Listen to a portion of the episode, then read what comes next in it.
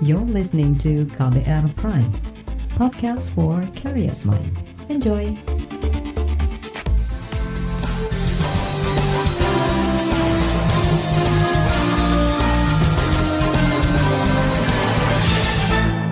Halo selamat sore saudara, kita kembali bertemu di KBR Sore hari ini tanggal 13 September 2022. Sore ini saya Reski Mesanto kembali hadir dan selama kurang lebih 30 menit ke depan tentu saja saya siap untuk menjadi teman Anda. Sore ini saya mau ajak Anda untuk membahas mengenai dampak ekonomi akibat naiknya harga bahan bakar minyak atau BBM. Sebab setelah pemerintah menaikkan harga BBM pada 3 September lalu, harga harga pangan mulai merangkak naik. Kondisi ini dikeluhkan sebagian besar masyarakat. Pemerintah sudah berupaya mensiasati dampak akibat kenaikan harga bensin seperti dengan memberikan bantuan sosial. Namun, apakah upaya tersebut sudah cukup meringankan beban masyarakat? Kita bahas selengkapnya di KBR sore. Saudara kenaikan harga BBM langsung direspon pasar dengan naiknya sejumlah harga pangan dan tarif transportasi. Kalangan buruh, pekerja angkutan umum, pengusaha kecil hingga pedagang mulai merasakan dampaknya. Tak sedikit dari mereka yang rela turun ke jalan memprotes kenaikan harga BBM. Alasannya, naiknya harga BBM makin menekan kondisi ekonomi mereka. Dampak kenaikan harga BBM terhadap kantong masyarakat sebetulnya disadari oleh Presiden Joko Widodo. Namun kepala negara bersikeras menaikkan harga bensin. Dalihnya, beban subsidi energi tahun ini berpotensi jebol jika tidak segera ada penyesuaian harga atau dibatasi. Jokowi lalu meminta para kepala daerah untuk aktif membantu masyarakat yang terdampak kenaikan harga BBM. Itu disampaikan Jokowi saat rapat pengendalian inflasi bersama seluruh kepala daerah kemarin. Dan untuk membantu adanya kenaikan BBM ini, saya minta provinsi, kabupaten, dan kota itu juga ikut secara detail bersama-sama dengan pemerintah pusat membantu yang, terdem, yang terdampak karena kenaikan penyesuaian harga dari eh, BBM ini. Presiden Jokowi mengakui kenaikan harga BBM hampir pasti ikut mengerek harga-harga pangan di daerah. Imbasnya bisa berdampak pada naiknya angka kemiskinan. Kontribusi harga pangan terhadap kemiskinan itu 74 persen. Begitu harga pangan naik, artinya di sebuah daerah kemiskinannya juga akan terkerek ikut naik. Utamanya itu beras sebagai komponen utama. Jadi hati-hati kalau harga beras di daerah Bapak Ibu sekalian itu naik meskipun hanya 200 atau 500 perak, segera diintervensi. Karena itu menyangkut kemiskinan di provinsi, di kabupaten dan di kota Bapak Ibu pimpin itu akan langsung bisa naik angka kemiskinannya. Saudara itu tadi Presiden Joko Widodo. Namun pernyataan Jokowi berbeda dengan hasil analisis Wakil Menteri Keuangan Suhasil Nazara. Menurut Suhasil, angka kemiskinan tak akan naik jika bantuan sosial tersalurkan dengan baik. Dia memperkirakan angka kemiskinan bahkan akan turun sekitar 0,3 persen meskipun harga BBM naik. Dengan catatan, bansos yang diberikan pemerintah langsung dibelanjakan oleh masyarakat sehingga daya beli meningkat. Kalau harga BBM naik, harga barang-barang lain juga naik, maka itu ada dua dampaknya. Pertama, daya beli masyarakat turun. Kedua, kalau harga-harga barang naik, maka garis kemiskinan naik. Kalau kelompok miskin tadi mesti nanggung kenaikan harga saja, pasti kemiskinan naik. Tapi karena kelompok yang 40% terendah itu selain menanggung kenaikan harga juga digrojokin uang baru 24 triliun, tiga kali lipat dari efek yang harus mereka tanggung, maka estimasi kita kemiskinan itu akan turun. Wakil Menteri Keuangan Swasil Nazara yakin kenaikan harga BBM tak akan berdampak panjang terhadap angka inflasi. Dia memperkirakan inflasi hanya akan naik pada bulan ini, lalu bertahap menurun di bulan selanjutnya. Pertumbuhan ekonomi juga diyakini tetap terjaga di atas 5 persen. Awal September lalu pemerintah menaikkan harga BBM subsidi untuk jenis Pertalite dari Rp7.650 menjadi Rp10.000. Kemudian harga solar dari Rp5.150 menjadi Rp6.800 per liter. Kenaikan harga juga terjadi di BBM jenis Pertamax dari semula Rp12.500 menjadi Rp14.500 per liter. Bersama dengan kenaikan BBM, pemerintah menyalurkan tiga jenis bantuan sosial yang diklaim mampu mengurangi, mengurangi beban masyarakat. Pertama, bantuan sosial tunai dengan nilai mencapai 12 triliun rupiah. Kemudian bantuan subsidi upah atau BSU untuk pekerja sektor formal dengan gaji maksimal 3,5 juta rupiah per bulan. Nominalnya 600 ribu rupiah. Lalu bantuan subsidi transportasi yang dialokasikan dari 2 persen dana transfer umum daerah sekitar 2 triliun rupiah. Baiklah kita break sejenak. Setelah break akan saya hadirkan laporan khas KBR yang akan membahas jurus pemerintah kendalikan inflasi pasca harga BBM naik.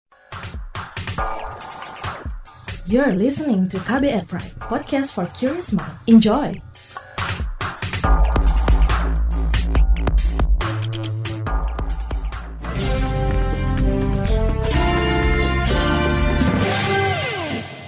Saudara kenaikan harga BBM subsidi beberapa waktu lalu diyakini bakal berdampak pada naiknya berbagai harga barang dan memicu inflasi. Pemerintah melakukan sejumlah langkah untuk mengendalikan inflasi. Apa saja langkah pemerintah? Berikut saya hadirkan laporan khas KBR yang disusun Astri Yuwanasari. Pemerintah resmi menaikkan harga bahan bakar minyak atau BBM bersubsidi pada awal September ini. Bersamaan dengan kenaikan harga BBM, pemerintah mengucurkan dana lebih dari 24 triliun rupiah sebagai bantalan sosial untuk menjaga daya beli masyarakat agar inflasi tetap terkendali.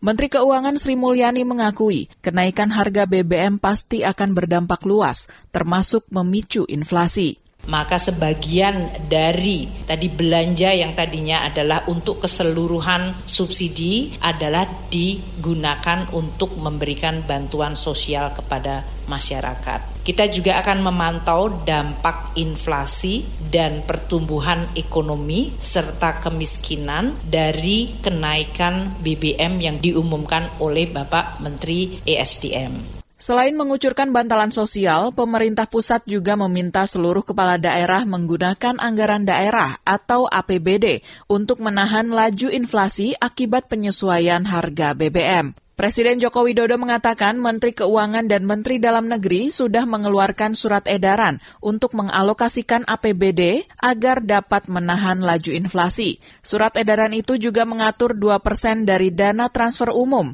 yang bisa digunakan untuk bantuan sosial.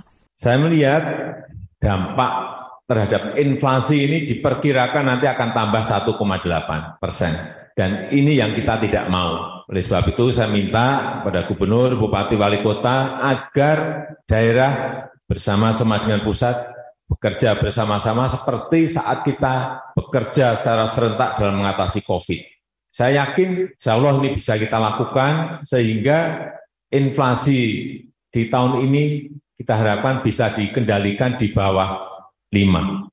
Bantuan sosial ini, kata Jokowi, ditujukan untuk pengendara ojek, pelaku UMKM dan nelayan, untuk penciptaan lapangan kerja, serta pemberian subsidi sektor transportasi angkutan umum di daerah.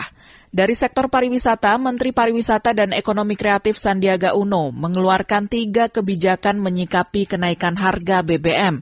Menurutnya, industri pariwisata dan ekonomi kreatif identik dengan mobilitas manusia serta penggunaan energi. Karena itu, sektor ini menerima dampak signifikan dari kenaikan harga BBM. Nah, Kemenparekraf mengeluarkan tiga kebijakan. Pertama, bantuan bimbingan teknis dan pendampingan agar pelaku usaha pariwisata dan ekonomi kreatif di level kecil dan mikro bisa mengelola pembiayaannya, mengelola biaya operasionalnya lebih baik. Kebijakan kedua, kata Sandiaga, adalah mendorong wisata minat khusus yang berpotensi mengurangi konsumsi BBM, baik langsung maupun tidak langsung. Misalnya sport tourism, wisata lari, maraton, trail run, wisata goes, dan lain sebagainya.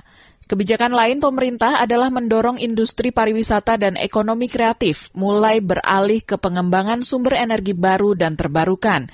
Sandiaga berharap tiga kebijakan itu dapat membantu sektor wisata, terutama pariwisata domestik maupun produk ekonomi kreatif, dalam menekan dampak naiknya harga BBM. Untuk nelayan, Kementerian Kelautan dan Perikanan bersama BPH Migas dan Pertamina telah berkoordinasi untuk menambah kuota BBM bersubsidi bagi nelayan. Menteri Kelautan dan Perikanan Sakti Wahyu Trenggono bakal memastikan akses nelayan terhadap BBM bersubsidi dipermudah dan menambah stok BBM agar tidak berkurang. KKP juga berkomitmen KKP akan selalu hadir untuk nelayan terutama dalam masa-masa sulit seperti masa kenaikan BBM saat ini. Salah satunya melalui perlindungan dan pemberdayaan nelayan untuk meningkatkan kesejahteraannya antara lain terus mempermudah akses BBM bersubsidi untuk nelayan kecil. Meski begitu, pemerintah menganggap upaya pengendalian inflasi juga harus melibatkan masyarakat. Karena itu, pemerintah menyerukan agar pekarangan rumah ditanami tanaman kebutuhan sehari-hari seperti cabai. Seruan disampaikan dari Presiden hingga para gubernur. Deputi Gubernur Bank Indonesia Doni Primanto mengatakan, praktik urban farming atau budidaya bahan pangan di perkotaan bisa membantu menekan kenaikan harga pangan dan mengendalikan inflasi. Keterjangkauan harga, jadi harganya harus murah, sama kenaikan BBM, Pak. Tentunya Pak Gubernur akan memberikan subsidi kepada uh, transportasinya. Support, Pak. Di daerah lain kita melakukan operasi pasar dan pasar murah. Nah ini yang mungkin dengan Sumsel, Sumut, Sumbar, ya dan tentunya nanti kita juga mendorong gerakan menanam cabai di pekarangan, Pak. Dua rapnya yang kedua tadi saya lihat dari dari video uh, sepintas mendorong urban farming, ya Pak, sudah 65 ribu bibit. Demikian laporan khas KBR, saya Astri Yuwanasari. Saudara naiknya harga BBM subsidi makin menambah beban kalangan pedagang dan nelayan kecil. Informasi selengkapnya sesaat lagi. You're listening to KBR Pride, podcast for curious mind. Enjoy!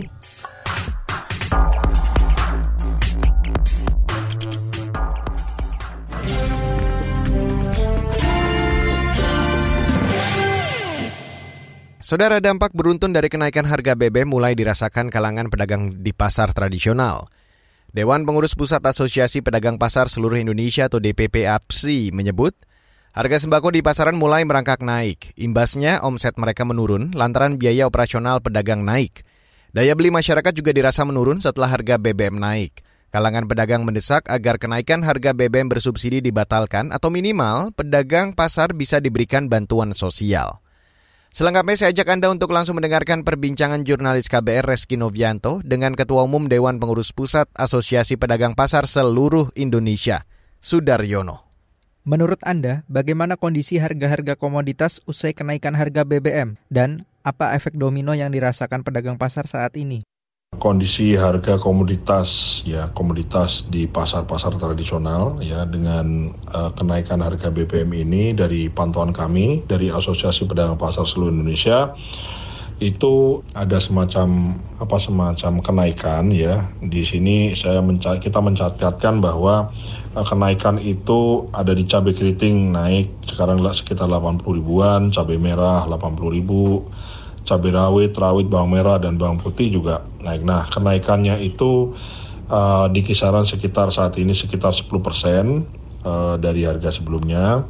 Padahal komponen biaya logistik itu kan menyumbang mungkin sekitar 2 sampai 5% dari total harga yang terbentuk ya. Jadi misalnya kalau beras harga 10.000 itu artinya ada sekitar 200 sampai 300 rupiah pengiriman barang dari Jawa Tengah atau Jawa Timur ke Jakarta misalnya. Nah sehingga kenaikan harga BBM itu semestinya kalau memang uh, dihadapkan pada harga apa tuh namanya ongkos dari dari logistik itu sendiri sebetulnya harusnya tidak tinggi gitu. Cuman kan orang bertanya kenapa kenaikan harga BBM yang notabene adalah 2 sampai 3 sampai 5% persen dari total cost dari biaya logistik itu men-trigger kenaikan harga barang-barang. Karena apa? Karena selain har kenaikan harga selain kenaikan ongkos distribusi ongkos logistik, sebetulnya ada kenaikan biaya hidup dari uh, pedagang, dari yang punya kebun, dari yang punya produsen ya. APPSI sempat menuntut bansos atau keringanan dari pemerintah. Apakah pedagang sudah menerima bantuan dari pemerintah? Memang betul APSI sangat mendorong. Nah, cuman memang dari kami Asosiasi Pedagang Pasar Seluruh Indonesia secara tegas ya sikap kami itu menolak ya menolak kenaikan BBM bersubsidi ini atau kami menyarankan untuk BBM bersubsidi ini bisa dinaikkan dengan cara yang lebih gradually secara bertahap atau misalnya bisa ditunda dulu dan seterusnya. Tapi kan memang keputusan sudah diambil sehingga APSI sangat menyarankan kepada pemerintah untuk untuk uh, memberikan atau menyentuh kepada mereka-mereka yang terdampak terdampak langsung itu. Bansos-bansos itu kami sangat mendorong. Nah, mendorongnya adalah tidak diberikan dalam bentuk barang tapi diberikan dalam bentuk uh, tunai sehingga uang-uang itu bisa beredar, peredaran uh, uang bisa beredar lebih banyak, ada pertumbuhan di situ, multiplier efeknya juga bisa terjadi di situ gitu. Nah, kita mendorong memang adalah peningkatan bansos itu. Nah, apakah dari pedagang itu sudah ada yang menerima bansos? Kami coba cek di beberapa secara random di beberapa pasar di Jawa ya, di Jabodetabek, di Jawa Tengah, di Jawa Timur kita cek. Memang ada yang mendapat uh, bantuan sosial itu, ada juga uh, pedagang yang memang belum. Menurut Anda, bagaimana daya beli di masyarakat saat ini?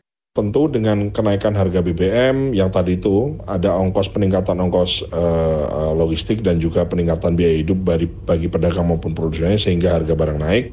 Itu men-trigger ada ada semacam efek dominonya di mana daya beli masyarakat juga berkurang. Artinya yang biasanya uh, dengan uang jumlah tertentu bisa dapat lebih banyak barang kan dengan harga barang yang lebih mahal tentu dia membelinya dengan jumlah yang lebih sedikit sehingga omset dari pedagang pasar itu sendiri juga pasti menurun dan itu sudah menurun di beberapa pasar kita pantau ada penurunan di situ. Saudara itu tadi perbincangan jurnalis KBR Reski Novianto dengan Ketua Umum Dewan Pengurus Pusat Asosiasi Pedagang Pasar Seluruh Indonesia atau DPP APPSI Sudaryono. Sementara itu naiknya harga BBM subsidi juga makin menambah beban kalangan nelayan kecil. Kesatuan Nelayan Tradisional Indonesia atau KNTI menyebut saat ini beban operasional nelayan makin berat. Apalagi ditambah harga solar bersubsidi yang naik dan sulit didapat dengan harga yang sesuai. Bantuan yang dijanjikan pemerintah hingga kini juga belum tersalurkan kepada para nelayan kecil. Ketua Umum KNTI, Dani Setiawan meminta pemerintah menyalurkan bantuan secara berkelanjutan dan tepat sasaran. Ya yang jelas pertama kan beban melautnya meningkat ya karena karena kenaikan harga BBM yang lalu itu itu menyebabkan di tingkat lapangan nelayan itu membelikan harga pasti lebih tinggi ya. Kalau solar kemarin 6.800 ya di lapangan sudah 8.000 sampai 9.000 kan begitu kira-kira. Nah otomatis dengan beban tambahan biaya operasional melaut semacam itu pengeluaran nelayan juga semakin meningkat. Nah, tetapi di sisi yang lain sebenarnya harga-harga ikan juga belum ada tanda-tanda meningkat kalau dalam laporan ya anggota-anggota KNTI Ya bagi mereka yang masuk dalam kategori penerima bantuan sosial program keluarga harapan ya tentu ini mulai dalam proses ya meskipun tidak semua terdata gitu. Tapi kalau kaitannya dengan BLT kompensasi kenaikan harga BBM khusus nelayan saya kira uh, prosesnya masih belum ya karena itu kan rencananya akan disalurkan oleh pemerintah daerah ya uh, yang diambil dari dua persen dari dana alokasi umum dan dana bagi hasil itu. Saudara itu tadi Ketua Umum Kesatuan Layan Tradisional Indonesia atau KNTI Dani Setiawan. Apa yang harus dilakukan pemerintah untuk meminimalkan dampak imbas kenaikan harga BBM? Informasi selengkapnya akan saya hadirkan sesaat lagi. You're listening to KBR Pride, podcast for curious mind. Enjoy!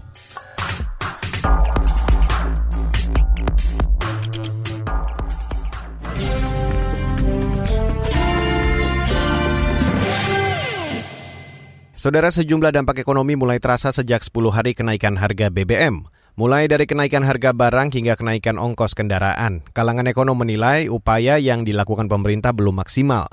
Bantuan sosial yang digelontorkan pemerintah diperkirakan tak cukup untuk mengatasi dampak domino kenaikan harga BBM. Belum lagi ada ancaman inflasi yang menghantui di depan mata. Lantas, apa saran untuk pemerintah? Berikut saya hadirkan Perbincangan jurnalis KB Rastri Septiani dengan Direktur Center of Economic and Law Studies atau Selios, Bima Yudhistira. Sepekan lebih pasca kenaikan harga BBM, apa saja dampak perubahan terhadap kondisi ekonomi di Indonesia? Ya, yang sudah mulai terlihat ya para pedagang menyesuaikan harga jual di level retail, bahkan informasi terbaru ini di retail modern gitu, itu udah mulai siap untuk merubah label harga. Artinya ada kenaikan dari sisi produsen karena BBM terkait dengan biaya distribusi bahan baku, pengangkutan juga ke retail-retail, ke toko-toko. Dan itu yang mulai ada penyesuaian harga. Nah ini kalau begini kondisinya maka harga-harga barang akan naik lebih tinggi dan yang akan dirugikan sebenarnya adalah konsumen khususnya yang tidak menerima bansos yaitu yang kategori kelas menengah rentan. Jumlahnya cukup banyak. Itu yang sudah mulai dirasakan. Yang kedua, tarif angkutan untuk transportasi ojol misalnya, itu kan sudah langsung berubah. Tarifnya naik. Dan itu kan juga yang menanggung adalah konsumen. Sehingga konsumen pilihannya sekarang menunda untuk bepergian, keluar rumah ya, untuk hal yang misalkan tidak terlalu penting. Atau yang kedua, ya terpaksa dia akan uh, pakai ojol dengan harga yang lebih mahal, tapi dia akan mengurangi konsumsi atau belanja lainnya. Nah, jadi yang langsung terasa ini kepada tarif angkutan publik. Jadi banyak juga angkutan kota pun juga yang sudah mulai melakukan ancang-ancang penyesuaian harga. Di tengah gejolak kenaikan harga, pemerintah yakin bahwa kenaikan inflasi hanya akan terjadi di September, namun setelahnya akan membaik begitu. Bagaimana pendapat Anda? Bagaimana sebenarnya potensi ancaman inflasi ke depannya? Ya, uh, Pak Presiden sebaliknya ya bilang bahwa hati-hati soal harga beras. Karena BBM ini nanti akan membuat harga beras, di mana beras adalah paling besar kontributor terhadap bahan makanan, jadi kalau beras angkutannya naik dari petani ke pasar, pasar ke konsumen, imbasnya adalah inflasi. Makanya saya kira inflasi bisa 7 sampai tujuh setengah persen sampai akhir tahun ini. Jadi memang kita akan menghadapi bulan-bulan ke depan adalah bulan-bulan inflasi. Kalau Oktober November tidak terjadi inflasi yang tinggi, saya masih ragukan itu ya. Meskipun Oktober November ini kan low season belum ada libur panjang uh, di Desember nanti ya. Tetapi efek dari harga pangan ini harus terus dipantau karena memang efeknya langsung akan terimbas kepada bahan pangan. Sebelumnya kita juga pernah mengalami double digit inflasi dari bahan pangan bulan Juli itu 11 persen jadi dikhawatirkan bisa terulang lagi. Sebelumnya Presiden menyatakan khawatir kenaikan harga pangan juga bisa meningkatkan kemiskinan gitu. Lalu bagaimana antisipasi dari hal tersebut dan saran Anda terkait kebijakan harga BBM? Ya, sarannya adalah kan harga minyak mentahnya sudah mulai turun. Jadi ya BBM-nya dikembalikan aja harganya sebelum uh, bulan September itu ya, sebelum kenaikan Pertalite 7.650, kemudian dari solarnya di 5.000 Intinya adalah ini justru menunjukkan bahwa pemerintah sendiri khawatir efek atau ekses dari BBM ini akan berlangsung lama. Jadi sebaiknya diturunkan harganya kalau mau pembatasan didukung. Nah, tapi pembatasannya dengan data yang valid sehingga solar bocornya bisa ditutup. Misalnya untuk pengusaha-pengusaha besar itu kan sudah dapat insentif dari negara, sudah dapat untung dari harga komoditas, Terus masa subsidi solarnya juga mereka nikmati kan melalui angkutan-angkutan pertambangan perkebunan. Itu yang harusnya dibatasi, maksudnya pembatasan ke sana. Nah itu yang harusnya dilakukan bukan dengan mekanisme kenaikan harga atau upah minimumnya dinaikkan mengimbangi dengan inflasi yang mencapai 7% untuk sisa tahun di 2022.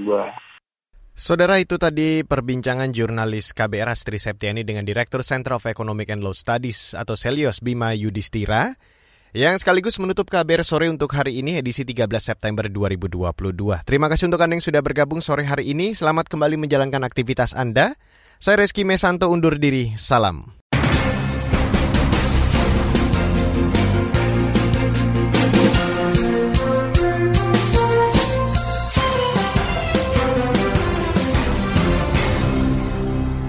KBR Prime, cara asik mendengar berita. KBR Prime, podcast for curious mind.